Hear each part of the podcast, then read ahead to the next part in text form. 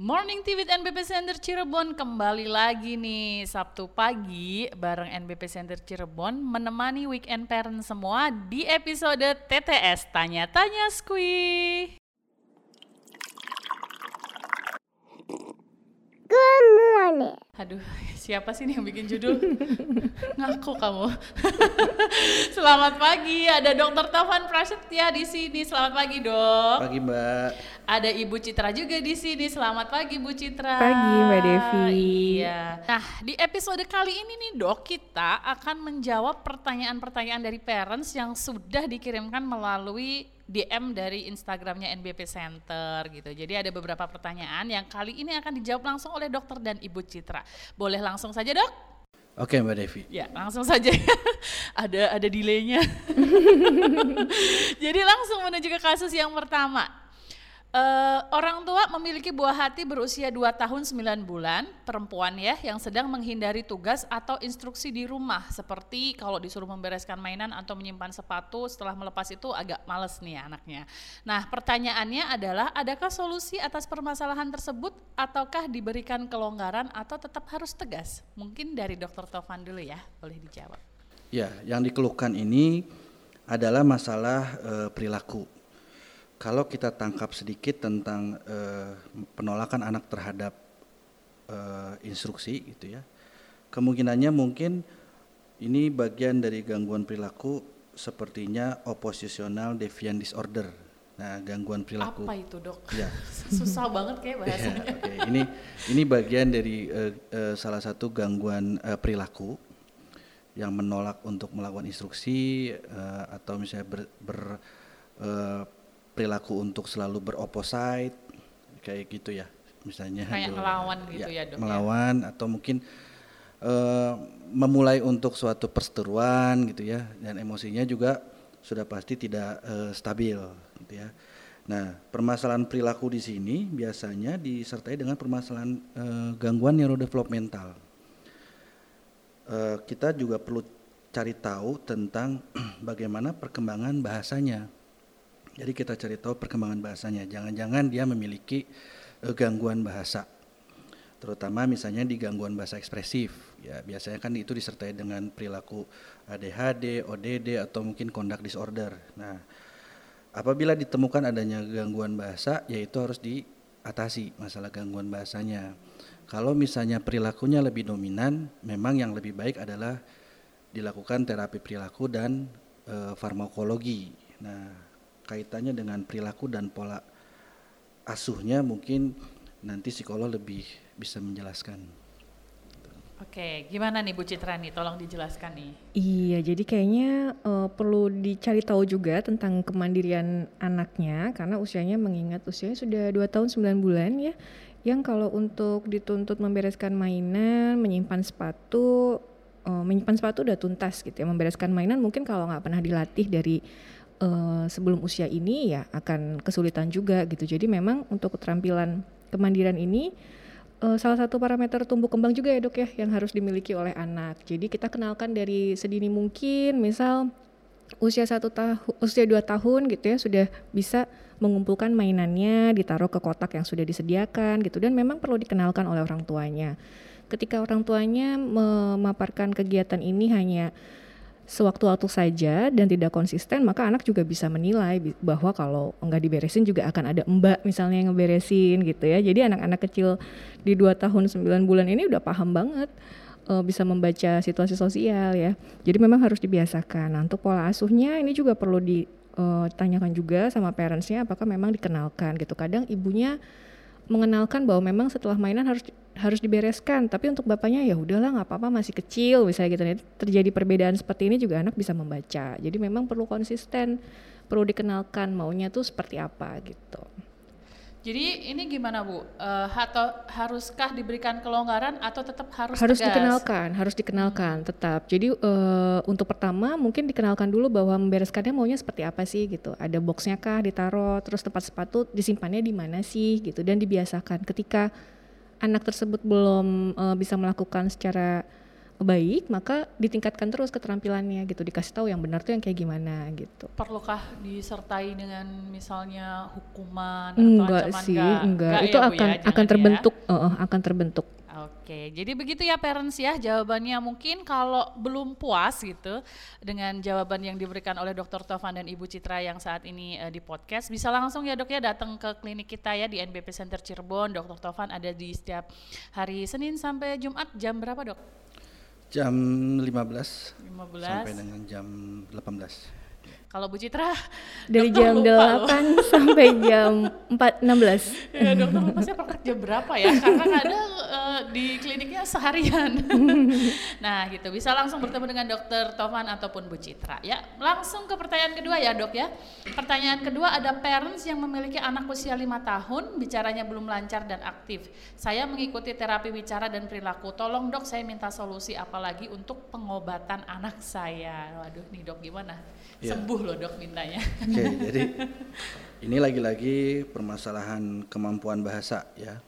Jadi kalau di usia 36 bulan kemampuan eh, bahasa ekspresif anak itu 3 sampai 4 kata menjadi satu kalimat.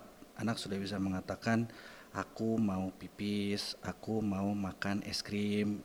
Itu rangkaian bahasa yang sekiranya anak 3 tahun itu bisa. Bahkan lebih dari 36 tahun, eh 360 bulan, mohon maaf. 36 tahun. 360 bulan. Kemampuan bahasanya lebih lengkap lagi, eh, kosakatanya lebih jelas lagi, gitu ya. Kalau di usia lima tahun, yaitu usia batas usia emas, anak sudah mampu bercerita, mungkin sampai 6-8 kalimat kata menjadi satu kalimat. Anak sudah bisa bercerita, anak sudah mampu menjelaskan. Nah, apabila di batas usia tersebut eh, anak tersebut belum dapat eh, apa namanya bicaranya lancar dan aktif, ya kita harus eh, pastikan lagi nih, apakah ada gangguan bahasa reseptif ataukah memang dia murni gangguan bahasa ekspresif ya. Nah itu harus dibedakan karena eh, treatmentnya berbeda. Nah untuk beberapa kasus baik itu gangguan bahasa reseptif maupun gangguan bahasa ekspresif itu selain terapi perilaku juga membutuhkan eh, penambahan farmakologi atau obat-obatan. Nah yang perlu ditekankan memang untuk masalah neurodevelopmental atau perkembangan eh, saraf anak itu tidak kita tidak mengatakan dia sembuh tetapi terperbaiki. Terkorek eh, terbaik terperbaiki, terperbaiki ya dok betul. ya bukan sembuh ya Ya, dan farmakologi di sini juga bukan untuk menyembuhkan. Jadi bukan obat yang eh, bisa eh, nantinya anak tersebut bisa berbicara. karena ini bukan penyakit mungkin dok Bukan, ini bukan adalah penyakit ya bukan, ya betul. Dan biasanya kalau udah usia lima tahun gitu aktif ya dok ya pasti ya dok ya ada gangguan perilakunya gitu. Jadi anaknya memang lebih aktif karena eh, untuk mengutarakan pendapatnya, untuk eh, pengen apa ngomong tapi orang orang yang diajak ngomong nggak ngerti dia ngomong apa gitu. Akhirnya isu emosinya juga biasanya muncul kesel gitu. gitu, ya bu Iya, ya ini kok nggak ngerti-ngerti sih aku mau susu ini padahal Iya gitu. benar. Biasanya masih ngeluarin ini nih gaya-gaya yang narik tangan eh, mamanya gitu, terus kayak nunjuk-nunjuk minta diambilin apa gitu ya. Nah terus kalau orang lain nggak ngerti eh, bahasa dia, kemauan dia pasti marah dan perilakunya juga lumayan aktif biasanya. Mm-mm. Terus eh, biasanya kalau udah kayak gini kita tanya juga sih ke parentsnya selama ini pernah nggak ngenalin anaknya untuk berinteraksi gitu karena biasanya di usia lima tahun untuk kemampuan joint interactionnya udah bagus banget nggak perlu kita eh, arahkan malah kalau di luaran gitu ketemu sama temen yang seusianya udah kayak ketemu lama gitu ya kayak udah kenal lama kalau anak kecil main kan kelihatannya seru banget ya belum kenal tapi kayak iya udah enjoy aja gitu ketemu teman baru. Terus eh, kalau dari kemampuan bahasanya yang seperti ini dan aktif gitu biasanya dokter merujuk untuk psikotes sih gitu. Jadi memang perlu dilakukan psikotes untuk tahu kemampuan verbal IQ-nya berapa, performance-nya berapa, sama full IQ-nya berapa. Ketika nanti nanti kita lihat lagi ketika ada kesenjangan berarti ada kemungkinan ke arah lain gitu. Iya, berarti pertama sih harus dilihat, berarti harus dilihat dulu ya dok ya ini gangguan Ya. bahasanya ini bentuknya apa Ya. gitu. Karena kan tadi dokter sebutkan ada dua jenis ya dok ya, Ya. Eh, GBE dan satunya tadi apa dok? GBR Ya, atau GBR. gangguan bahasa reseptif. Nah itu dulu cari dulu tahu permasalahannya, lalu juga ada nanti dari si- sisi apa bu namanya intelektualnya Iya, kognisinya kita nilai juga, ngomong. betul. Iya, takut salah ngomong istilahnya gitu. Eh, Itu juga harus dicek lagi. Iya. Gitu. Jadi nggak semata-mata kalau anaknya aktif udah pasti ADHD, Hmm. anaknya telat ngomong udah pasti eh, speech delay-nya yang yang mana gitu ya dok ya. Jadi Ya, sarannya mungkin harus dicek ya dok ya, dicek secara langsung dulu Ya, betul. apakah memang benar itu eh, gangguan bahasa dan apa ini tadi eh, keaktifannya itu harus kita cari Ya. tahu dulu ya, Ya. diagnosisnya apa. Gitu. betul. Jadi gangguan bahasa reseptif tuh contohnya misalnya sensor sensory neural hearing loss. Misalnya dia ternyata ada gangguan pendengaran, itu harus dievaluasi. Nah, lalu kalau misalnya bentuk gangguan bahasa reseptif lain, contohnya misalnya autism spectrum disorder. Nah, itu juga bentuknya berbeda.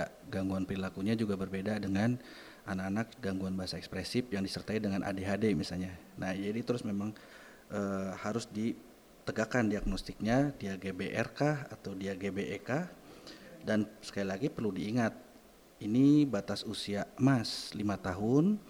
Jadi jangan sampai eh, kita membuang-buang waktu lagi manakala setelah di terapi perilaku maupun wicara belum juga melihat memperlihatkan hasil yang eh, apa optimal ya segerakan ini untuk diatasi segera.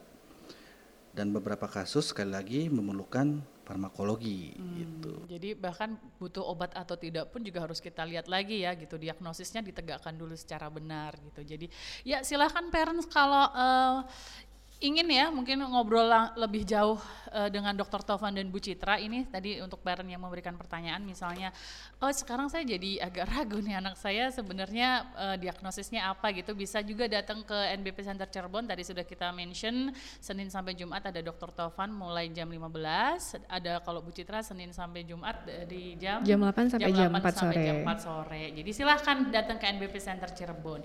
Nah untuk tanya-tanya skui episode kali ini cukup dua aja, cukup dua dulu. Silahkan untuk parents yang juga ingin menanyakan misalnya masalah tumbuh kembang anaknya atau eh, tentang parenting atau tentang eh, masalah tumbuh kembang yang lain silahkan bisa melalui DM Instagram kami di @nbpcenter.cirebon atau kalau panjang curhatnya panjang banget gitu bisa melalui email di nbpcenter.cirebon@gmail.com. Terima kasih atas atensinya parent. We'll see you again next week. Bye bye.